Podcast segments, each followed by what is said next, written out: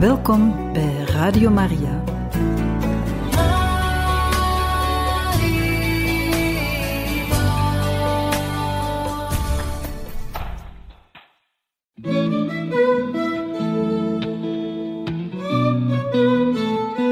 De kerk spreekt. De zorg van een moeder door de eeuwen heen. Een programma van Radio Maria.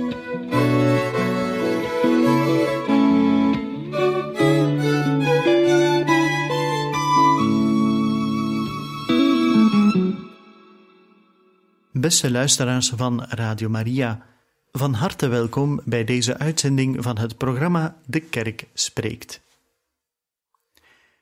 Wij lezen u vandaag voor uit de apostolische exhortatie Reconciliatio et Penitentia, of Verzoening en Bekering, geschreven door de heilige paus Johannes Paulus II op 2 december 1984 en het gevolg van de zesde algemene vergadering van de Bisschoppensynode in 1983.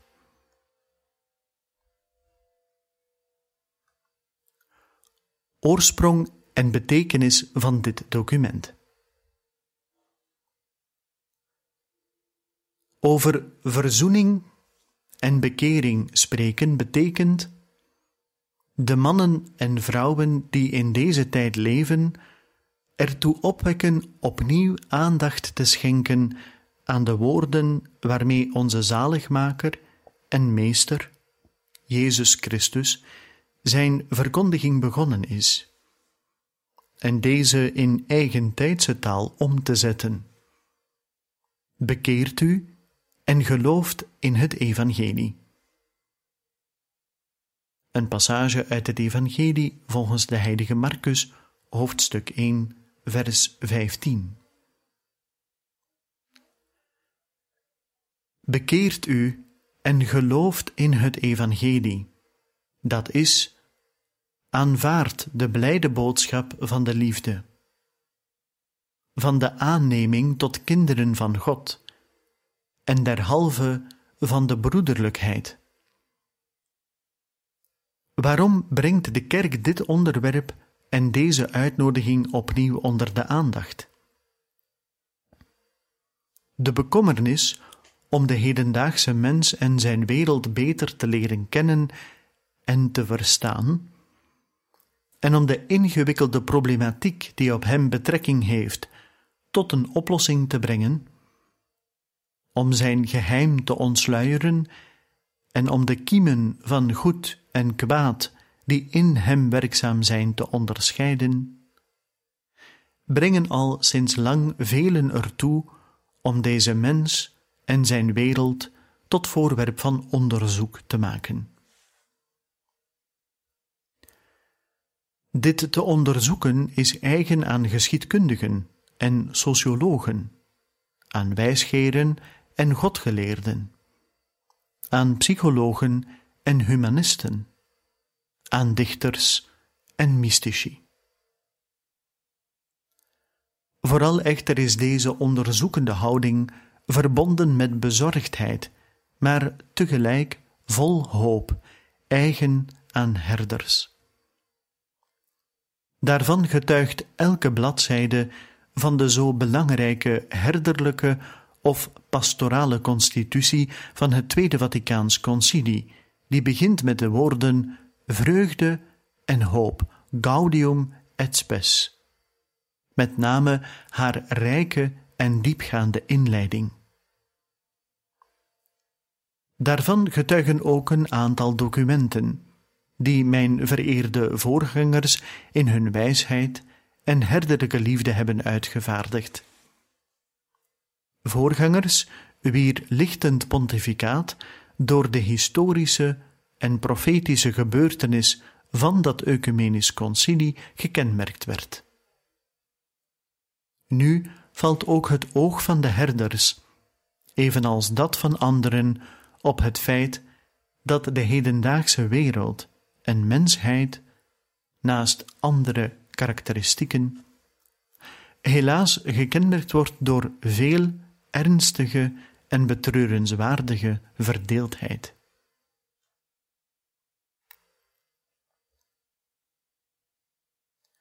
Een gebroken wereld.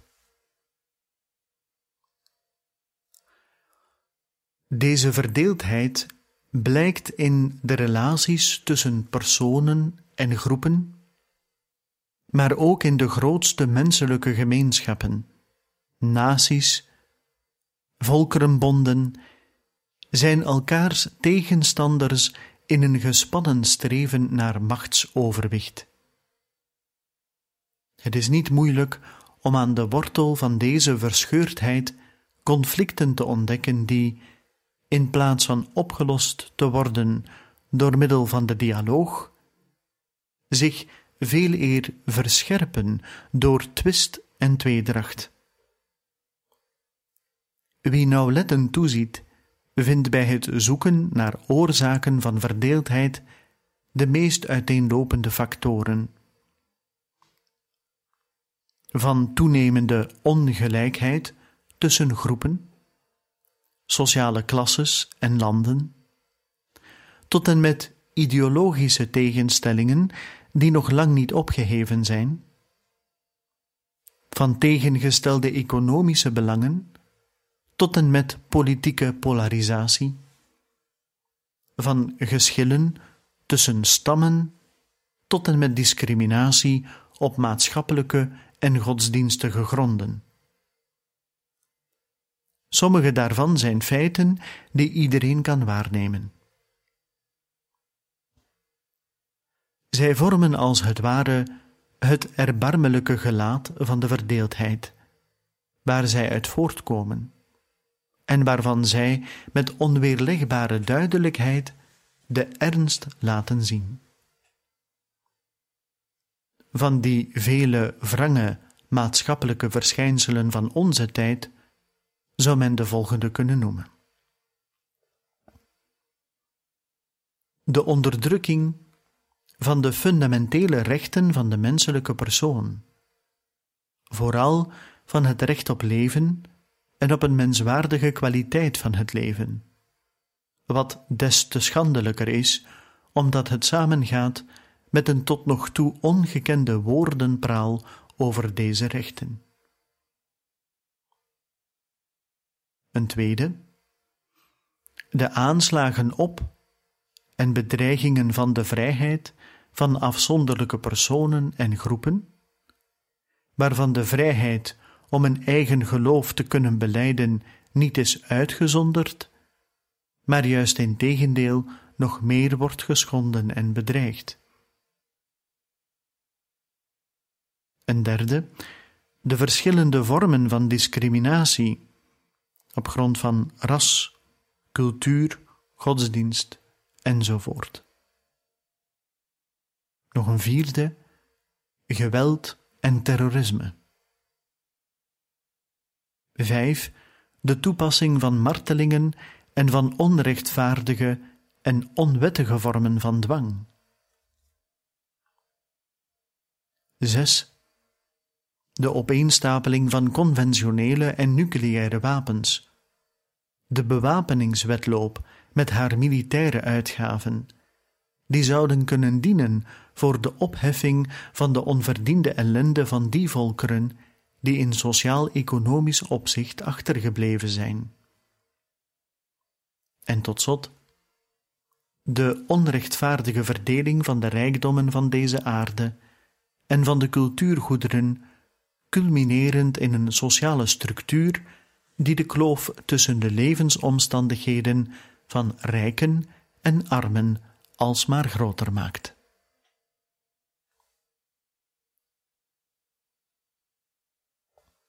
De verwoestende kracht van deze vormen van verdeeldheid maakt de wereld waarin wij leven een tot in haar grondvesten gebroken wereld. Omdat overigens de kerk zich, zonder zich met de wereld te vereenzelvigen of van de wereld te zijn, zich in de wereld bevindt en met haar een gesprek of dialoog is aangegaan, hoeft het niet te verwonderen dat in haar lichaam de weerslag en de tekenen zijn waar te nemen van de verdeeldheid die de menselijke gemeenschap verwondt. Niet alleen gaat de kerk al eeuwenlang gebukt onder de tegenstellingen tussen de christelijke gemeenschappen, maar hier en daar leidt zij in deze tijd bovendien onder de verdeeldheid tussen haar eigen leden, die voortkomt uit een verschil in inzicht en standpuntbepaling op leerstellig en pastoraal gebied. Ook deze verdeeldheid kan soms onherstelbaar lijken. Hoewel deze verscheurdheid op het eerste gezicht al een diepe indruk maakt, toch moet men er zich nog meer in verdiepen om de wortel ervan te ontdekken. De wonde namelijk die in het diepst van de menselijke ziel zit.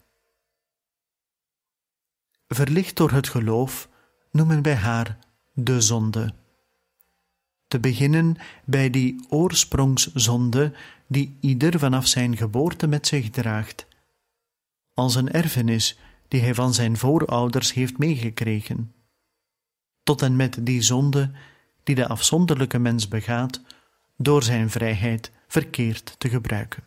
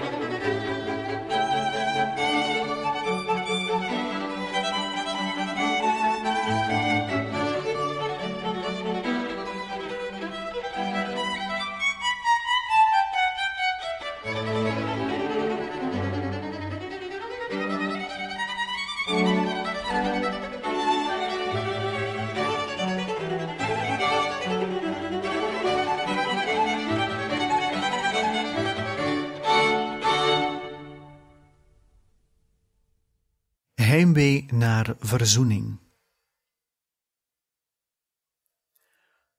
Toch valt er, mits men scherp genoeg toeziet, te midden van de verdeeldheid, bij de mensen van goede wil en bij de echte christenen, een onmiskenbaar verlangen waar te nemen om de tegenstellingen te overbruggen, de wonden te helen en een wezenlijke eenheid tot stand te brengen op alle niveaus.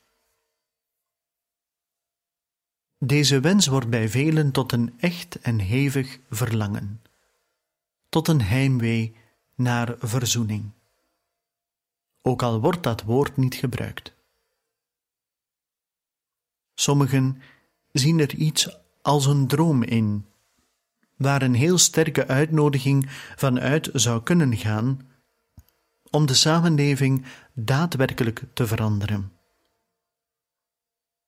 Voor anderen is het meer iets dat met moeizame inspanning verkregen kan worden en dat daarom als een doelstelling wordt gezien die door een serieuze toeleg in denken en handelen wordt gerealiseerd. Hoe dan ook, ongetwijfeld is de hang naar een oprechte en duurzame verzoening een fundamenteel gegeven van onze samenleving. Iets als een echo van de onbedwingbare wil tot vrede. En hoe paradoxaal dat ook mogen klinken, iets dat zich des te heviger aandient naarmate de verdeeldheid ernstiger is. De verzoening moet echter evenzeer tot in de ziel reiken als de verdeeldheid.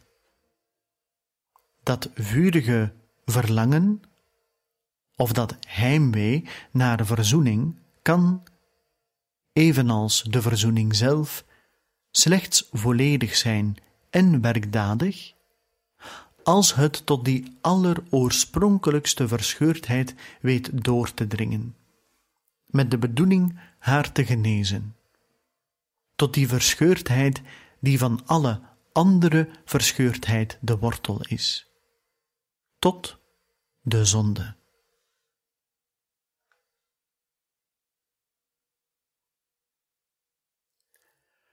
Wat de synode voor ogen heeft gestaan. Daarom moet elke instelling of organisatie die beoogt dat de mens in zijn wezenlijke menselijkheid gered wordt, haar nauwlettende aandacht op de verzoening richten, met de bedoeling om tot een dieper zicht te komen op wat zij betekent en op haar draagwijte. En om er kijk op te krijgen wat er bij gevolg aangedaan zou kunnen worden. De kerk van Jezus Christus kan daar onmogelijk geen aandacht voor hebben. Met de toewijding van een moeder en met de wijsheid van een meesteres legt zij er zich met zorg en aandacht op toe in de menselijke samenleving niet enkel de tekenen van de verdeeldheid waar te nemen, maar ook de minstens even duidelijke en veelzeggende tekenen van het zoeken naar verzoening. Zij weet immers dat met name aan haar het vermogen is gegeven en als zending is toevertrouwd om de ware, diep godsdienstige betekenis van de verzoening in al haar dimensies te verkondigen.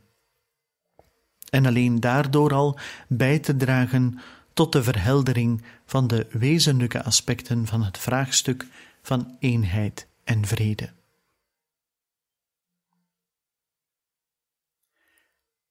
Mijn voorgangers hielden niet op de verzoening te prediken. En heel de mensheid, met name die groepen of gedeelten van de menselijke gemeenschap waar zij verscheurdheid of verdeeldheid zagen, aan te sporen naar verzoening te streven.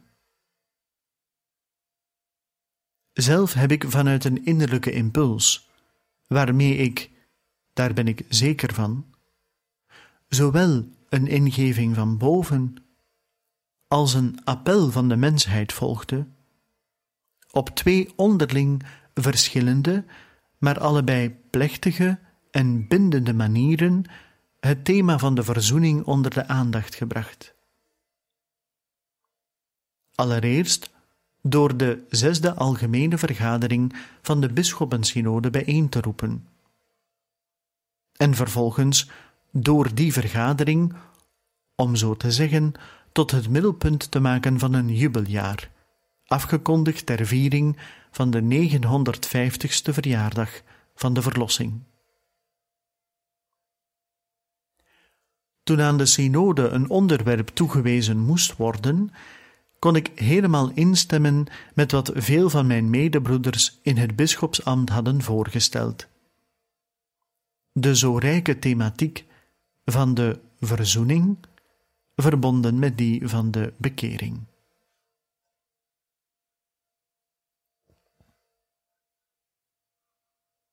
Het woord penitentia, bekering, drukt een heel complex begrip uit. Verbonden met de uitdrukking metanoia, zoals die voor de synoptici wordt gebezigd, betekent bekering de innerlijke verandering van hart, zoals die onder invloed van het woord van God en met het oog op zijn rijk kan plaats hebben. Maar bekering betekent ook een verandering van levenswijze, in overeenstemming met die verandering van hart. Neemt men het in deze betekenis, dan wordt wat men zich bekeren noemt, aangevuld door, brengt vruchten voor die passen bij bekering. Zoals we horen in het Evangelie volgens de heilige Lucas, hoofdstuk 3, vers 8.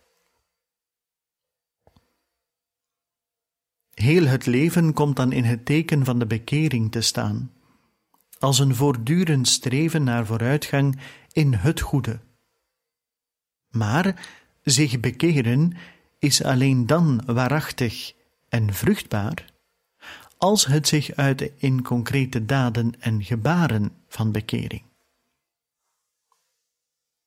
In deze zin betekent bekering in het theologische en spirituele spraakgebruik van de christenen ascese. Dat wil zeggen, de concrete en dagelijkse toeleg van de mens om, ondersteund door Gods genade, zijn eigen leven te verliezen omwille van Christus, wat de enige manier is om Hem te vinden. Om de oude mens af te leggen en zich te bekleden met de nieuwe mens. Om het vleeselijke in zichzelf te overwinnen met de bedoeling dat het geestelijke de overhand gaat krijgen om aanhoudend boven het aardse uit te stijgen naar wat boven is. Penitentia is derhalve de bekering die, voortkomend uit het hart, vertaald wordt in concrete werken en zo het hele leven van de christen raakt. In elk van deze betekenissen is bekering nauw verbonden met reconciliatio, verzoening. Want wil iemand met God, met zichzelf en met anderen verzoend worden, dan is daarvoor nodig dat de breuk wordt hersteld die diep in de ziel zit en die de zonde is. Dat kan alleen maar door die innerlijke verandering of bekering, die door werken van bekering in het leven vrucht draagt.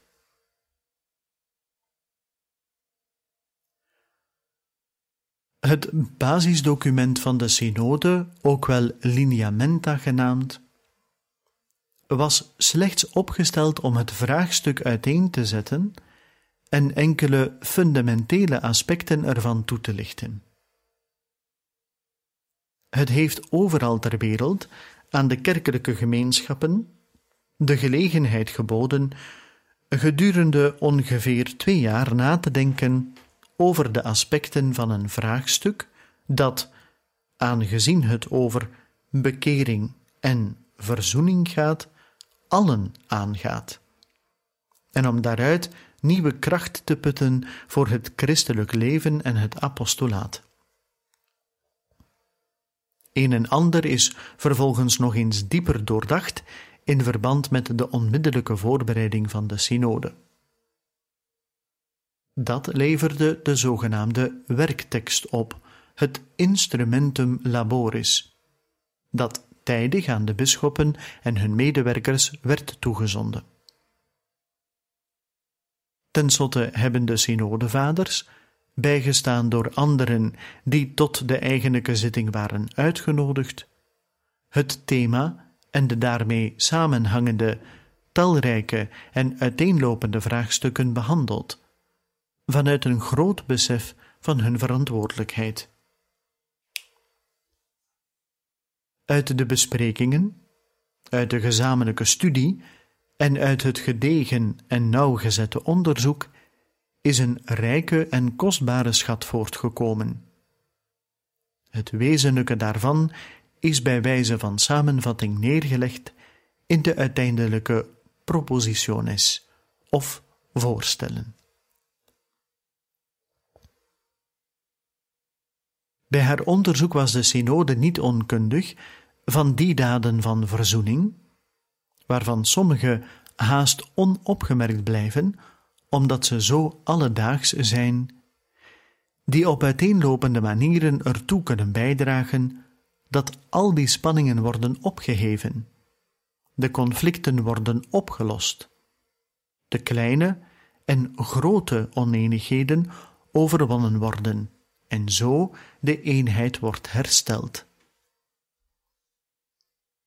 Maar het was de voornaamste zorg van de synode om aan de binnenkant van deze uiteenlopende daden de verborgen wortel te vinden, de verzoening die van al die daden als het ware de oorsprong en bron vormt, en die werkzaam is in het hart en het geweten van de mens.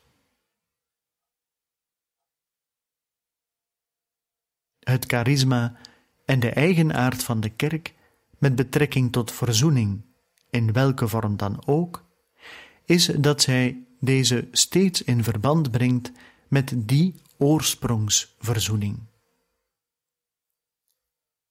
Op grond van haar eerste en voornaamste zending beschouwt de kerk het als haar plicht om door te dringen tot de wortels van die eerste verwonding die de zonde is, om daar genezing en een fundamentele verzoening tot stand te brengen, opdat deze het vruchtbaar begin zal zijn van alle verdere echte verzoening. En dat is het wat de kerk voor ogen heeft gestaan en wat zij door middel van de synode heeft voorgesteld.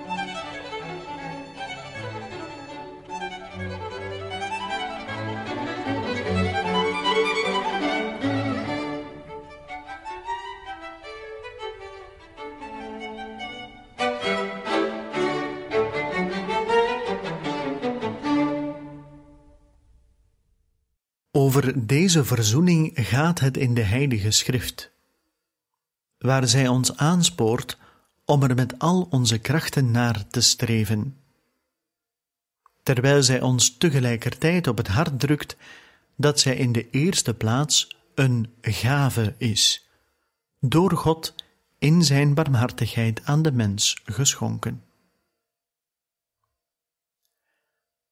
De geschiedenis van het heil, zowel die welke de hele mensheid omvat, als die welke afzonderlijke mensen in welke tijd dan ook aangaat, kan beschouwd worden als de geschiedenis van de verzoening, waarin God die Vader is door het bloed en het kruis van zijn Zoon, die mens is geworden, de wereld met zich heeft verzoend en zo een nieuwe familie van verzoenden heeft doen ontstaan.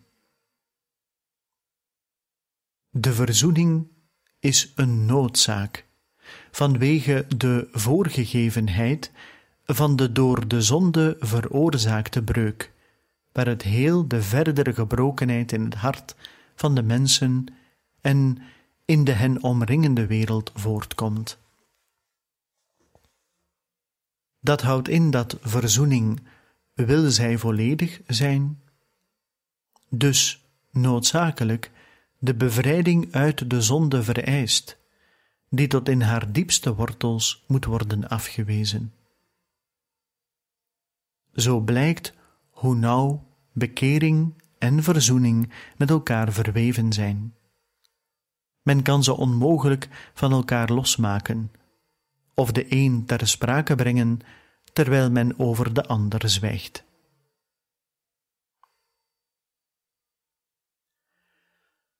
De synode heeft zowel het gehad over de verzoening van heel het grote gezin, de grote familie van de mensheid, als over de bekering van het hart van iedere mens afzonderlijk, over zijn terugkeer tot God. Daarmee heeft zij willen erkennen en kenbaar maken dat de mensen alleen maar in eenheid zijn samen te brengen als ieder voor zich innerlijk anders wordt. De persoonlijke bekering is de weg die noodzakelijk is om te komen tot eendracht onder de mensen. Wanneer de kerk de blijde boodschap van de verzoening verkondigt, of wanneer zij voorstelt haar door middel van de sacramenten tot stand te brengen, vervult zij een echt profetische taak. Zij wijst op het kwaad onder de mensen, hoe dat uit een besmette bron voortkomt, en zij laat zien waar de wortel van de verdeeldheid zit, en ze geeft hoop dat de spanningen en conflicten overwonnen kunnen worden waardoor de eendracht en de vrede op alle niveaus en in alle groeperingen van de menselijke samenleving bereikt kunnen worden. Zij verandert een door haat en geweld getekende historische situatie in een beschaving van de liefde. Allen biedt zij het evangelische en sacramentele beginsel van de verzoening aan, waaruit als uit een bron elk andere verzoeningsgebaar of daad van verzoening voortkomt, ook op het maatschappelijke vlak.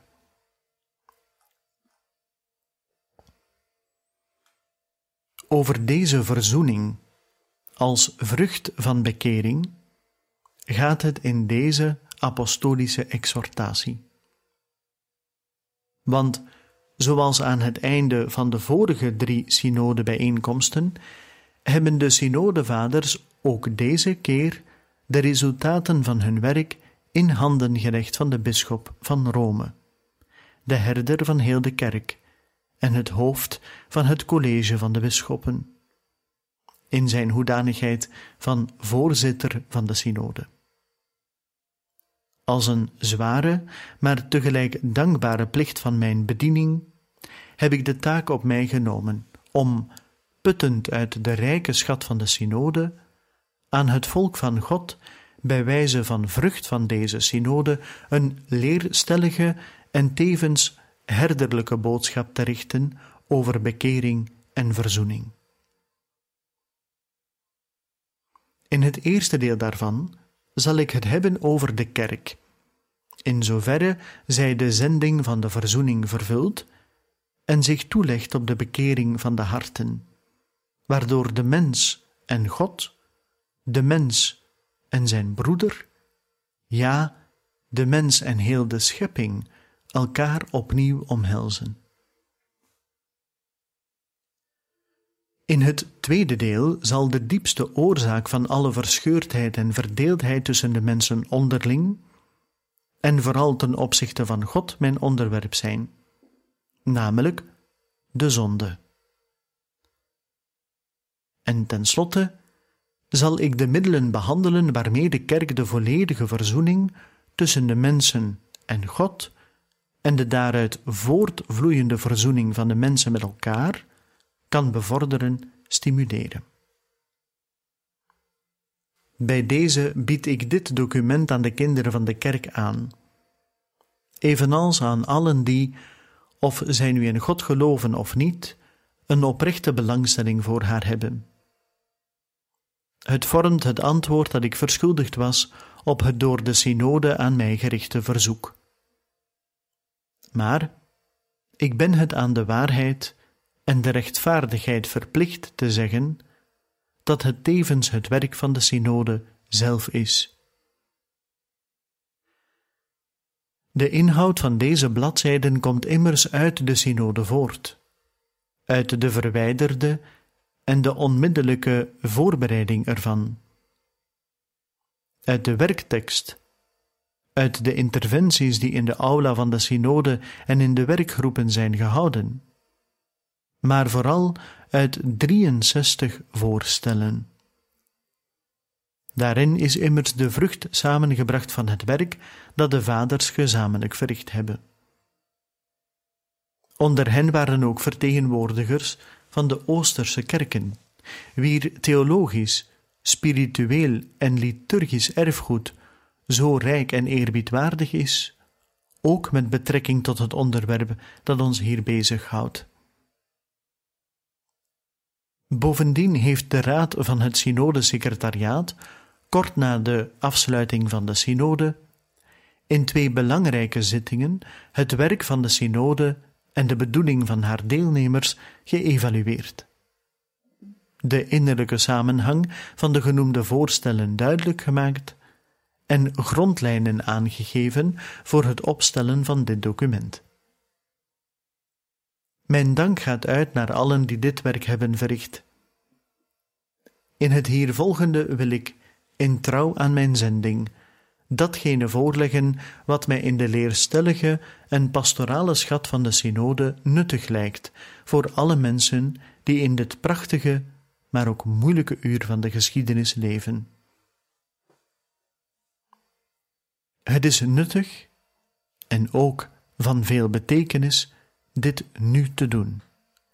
Bij velen is er de herinnering nog levendig aan het heilige jaar dat helemaal in het teken heeft gestaan van de bekering, de omkeer en de verzoening.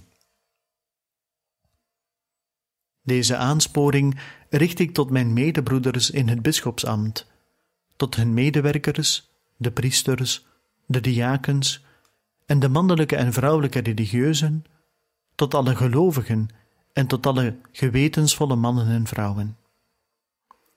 Mogen zij niet enkel bijdragen tot de zuivering, de groei en de verdieping van ieders persoonlijk geloof, maar ook zoiets als een kiem vormen die helpt om in de harten van de mensen de vrede en de broederschap, de hoop en de vreugde te doen toenemen. Deze kostbare goederen komen voort uit het Evangelie, dat aanvaard, overwogen en in praktijk gebracht mogen worden, naar het voorbeeld van de heilige Maagd Maria, de moeder van onze Heer Jezus Christus. Door hem heeft het God behaagd alles met zich te verzoenen.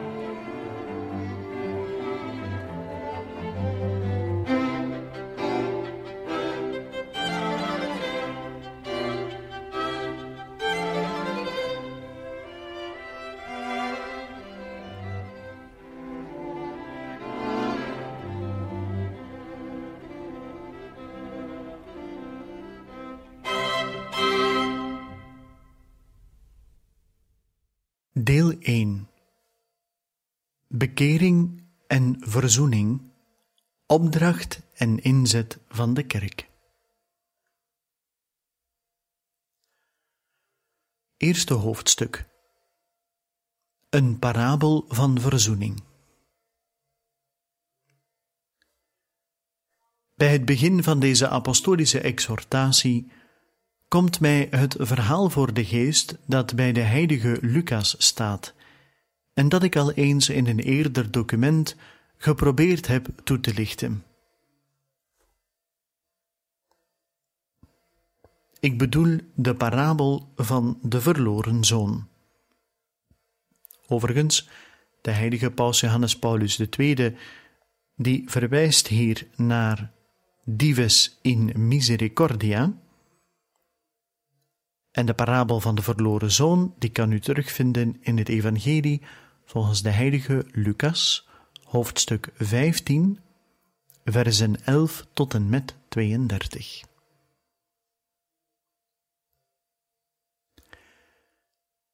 De eerste ondertitel luidt Van de broer die verloren was.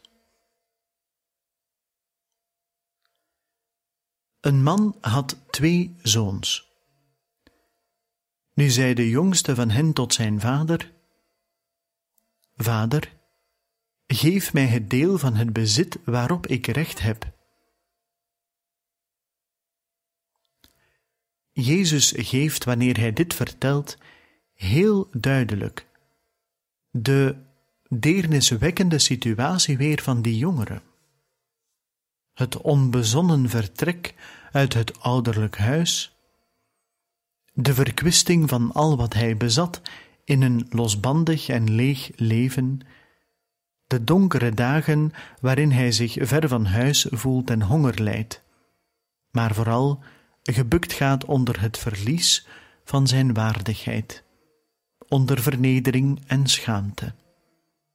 En dan het heimwee naar huis, de moed om terug te keren en de vader die hem ontvangt.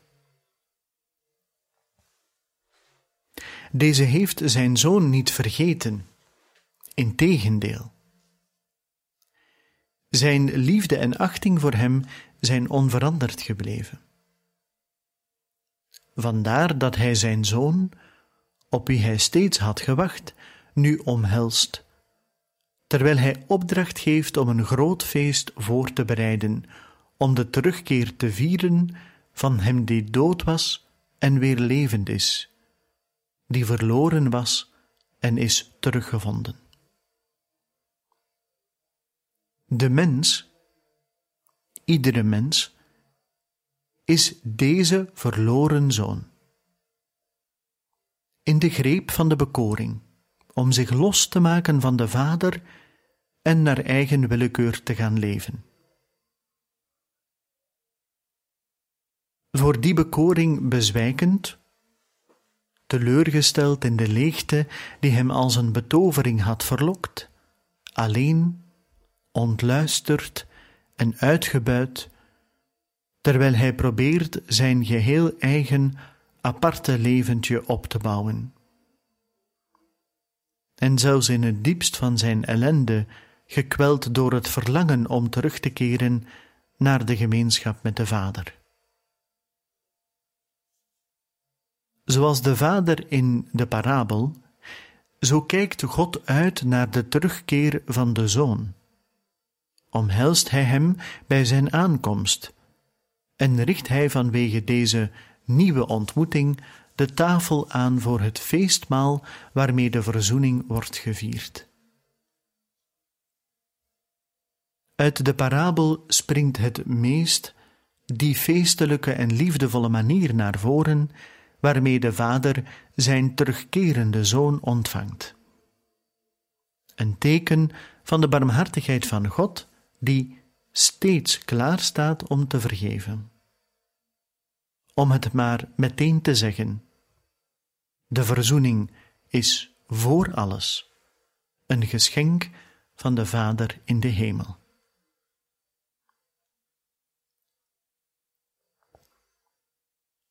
Tweede ondertitel. We hoorden dus van de broer die verloren was, en nu luidt het naar de broer die thuis was gebleven.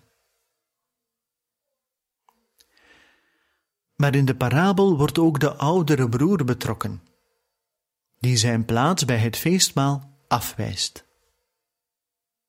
Zijn broer verwijt hij immers de misstappen die hij begaan heeft, en zijn vader dat hij hem zo ontvangt. Terwijl het hem, de gematigde, arbeidzame, nooit toegestaan werd om, zoals hij het zegt, een keer met zijn vrienden feest te vieren. En dat laat zien dat hij de goedheid van de Vader niet begrijpt. Zolang deze broer, al te zeker van zichzelf en zijn verdiensten, jaloers en aanmatigend, vol bitterheid en toorn, zich niet bekeert en zich met de vader en de broer verzoent, is de maaltijd nog niet helemaal het feest van de terugkomst en van het gevonden worden. De mens, iedere mens, is ook deze oudere broer. Een verkeerde liefde voor zichzelf maakt hem jaloers, verhardt zijn hart, maakt hem blind en sluit hem voor de anderen en voor God. De goedheid en de barmhartigheid van de Vader ergeren hem, maken hem boos. Het geluk van de broer die teruggevonden is, heeft voor hem iets bitters.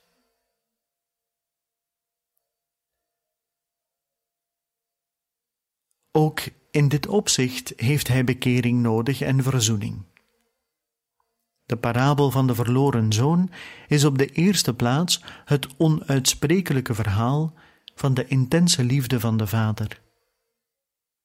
Dat we zeggen van God, die aan de zoon, die tot hem terugkeert, het geschenk aanbiedt van een volledige verzoening.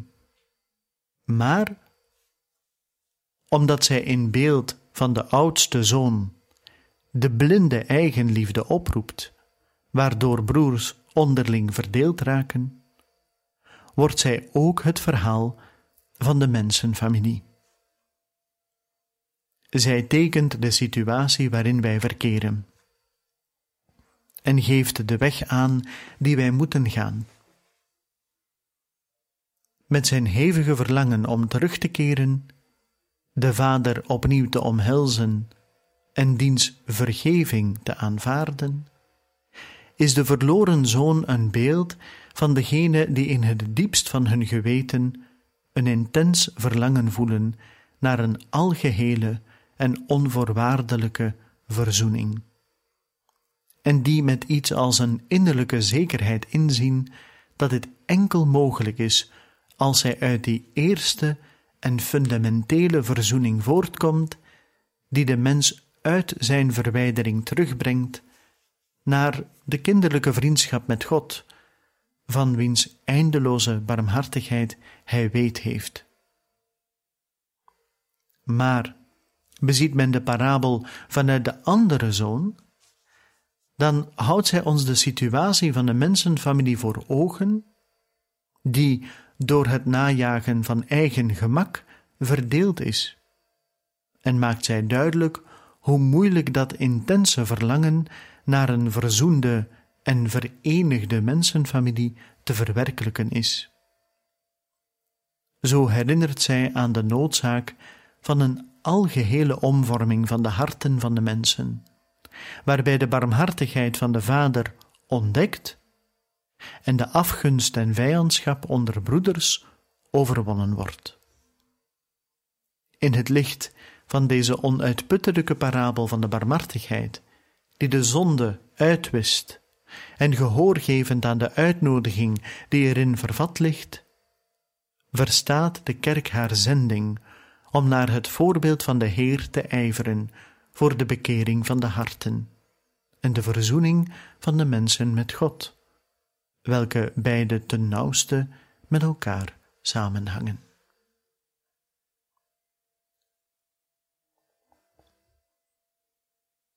En zo, dierbare luisteraars, zijn we aan het einde gekomen van deze aflevering van De Kerk Spreekt, waar we u konden voorlezen uit de apostolische exhortatie Reconciliatio et Penitentia over bekering en verzoening.